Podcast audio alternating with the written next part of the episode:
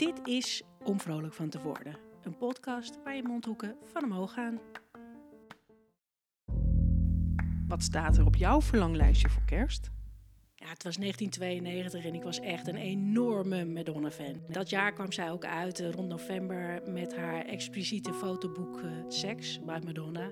Ja, en ik wilde dat als fan gewoon, wilde ik het boek gewoon ontzettend graag hebben.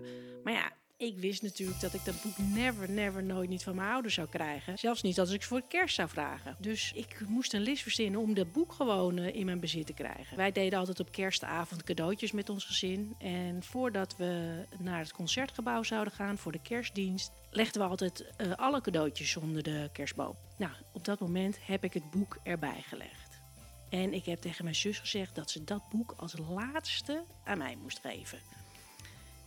En uh, op een gegeven moment, nou, is het moment daar, krijg ik het boek in mijn handen en ik scheur het open.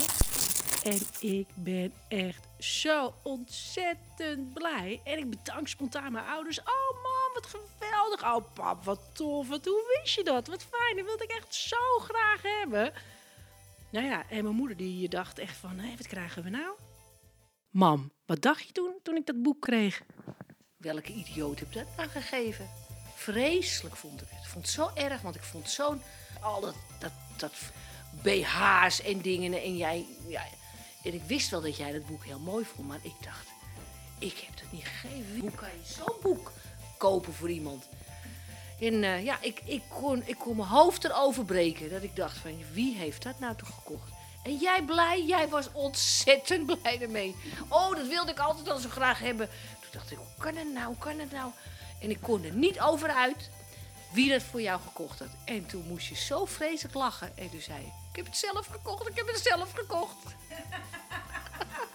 en toen hebben we er met z'n allen keihard om gelachen, toch? Toen wel. En toen, vond je het, en toen vond je het ook niet erg dat ik dat boek had? Nou, ik, ik wil niet dat jij ook zo wordt. Dat was voorbij weer het idee. Nou, ik ben niet zoals Madonna geworden. Dat is, dat is één ding dat zeker is. Nee, gelukkig maar. Gelukkig maar, ja.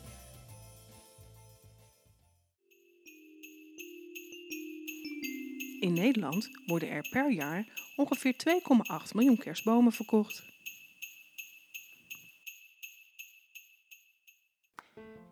Wil je om vrolijk van te worden helpen? Dat kan door het te verspreiden via Facebook, Instagram of Twitter. Je kan je ook abonneren via Stitcher of de iTunes Store. En laat dan ook even een beoordeling voor me achter. Daar word ik nog veel vrolijker van.